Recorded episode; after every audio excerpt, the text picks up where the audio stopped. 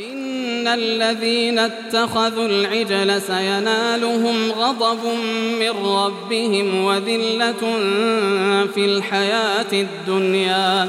وكذلك نجزي المفترين. كما أغضبوا ربهم واستهانوا بأمره. فكل مفتر على الله كاذب على شرعه سيناله نصيب من غضب الله. فإذا هذه الآية إن الذين اتخذوا العجل سينالهم غضب من ربهم وذلة في الحياة الدنيا وكذلك نجزي المفترين. كل صاحب بدعة مسجلة هذه عليه إلى يوم القيامة.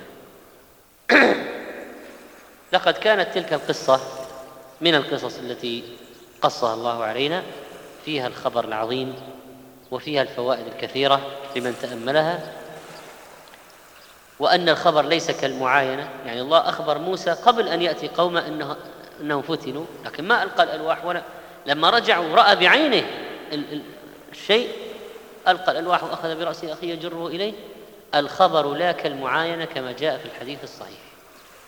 يعني أنت ممكن يقال لك مثلا في جريمة بشعة حصلت في كذا كذا كذا وصف والمخبر ثقة وصادق لكن ما تكون مشاعرك في سماع الخبر مثل لما تذهب وتشوف بعينك.